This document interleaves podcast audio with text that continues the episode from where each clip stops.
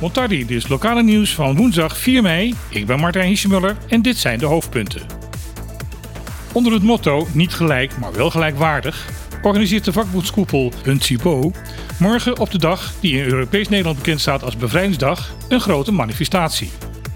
De bedoeling hiervan is om de regering in Den Haag duidelijk te maken dat de voltallige bevolking van Bonaire aan het kabinet en het parlement eist dat het stelsel van sociale voorzieningen in het Caribische deel van Nederland gelijkwaardig gemaakt wordt aan datgene wat in het Europese deel van het Koninkrijk al heel lang de normaalste zaak van de wereld is.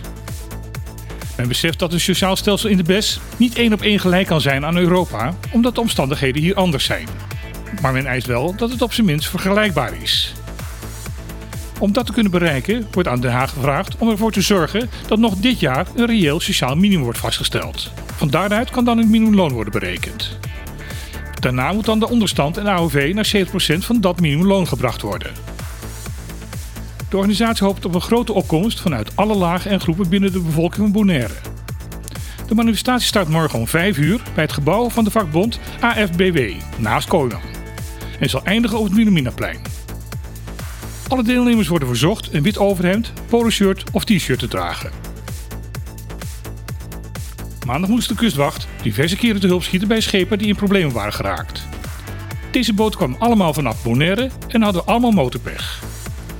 In verband met Dia Rincon afgelopen zaterdag waren ze vorige week komen overvaren vanaf Curaçao om de feestelijkheden te kunnen meemaken.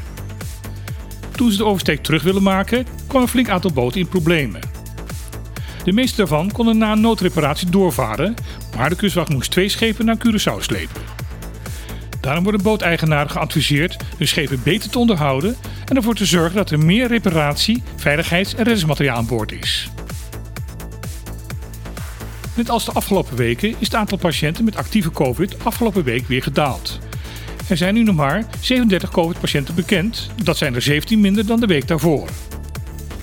Wel is het zo dat meer dan de helft van de mensen die zich op COVID laten testen ook besmet blijken te zijn. Het aantal nieuwe besmettingen blijft dan ook relatief hoog. Afgelopen week waren dat er 72. Lagen er in de week daarvoor nog twee mensen met COVID-verschijnselen in het ziekenhuis? Afgelopen week mocht er één daarvan naar huis. Eilandsraadlid voor Saba, Esmeralda Johnson, zal na de komende raadsverkiezingen niet meer terugkeren in de politiek. De met haar 21 jaar jongste raadslid van binnen de BES zegt zich als eilandsraadlid machteloos te voelen. Dit slaat volgens haar niet op haar eigen partij WIMP, maar op de starre houding van Den Haag ten opzichte van de problematiek. Dit zei ze in een toespraak tegen de delegatie van Nederlandse parlementariërs die Saba bezochten. Ze zei ook dat ze het gevoel heeft dat het Den Haag niet veel kan schelen met welke grote structurele problemen de eilandbewoners geconfronteerd worden.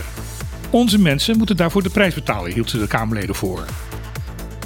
Marielle Pauw, voorzitter van de Vaste Kamercommissie Koninkrijksrelatie in de Tweede Kamer, was volgens haar eigen zeggen sprakeloos van deze noodkreet en verzekerde Johnson dat deze boodschap mee naar Den Haag genomen zal worden.